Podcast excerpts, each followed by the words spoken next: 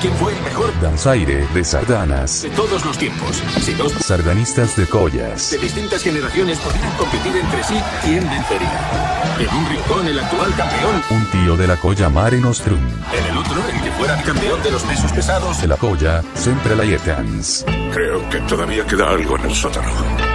¿Qué sótano? Aquí dentro. Tengo ganas. De bailar. Nada importante, solo Concursos. locales. ¿Eh? ¿Nos ha alcanzado el Zenit? ¿Por qué no realizamos un espectáculo a lo grande? No me interesa que me machaquen y me dejen en ridículo. Oye, llama la atención de la gente. Y da igual lo que opinen los demás.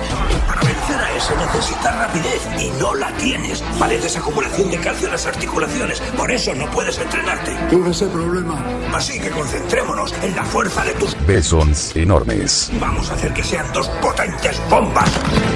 La mejor historia de nuestro tiempo. La de un aspirante que vuelve para un último asalto.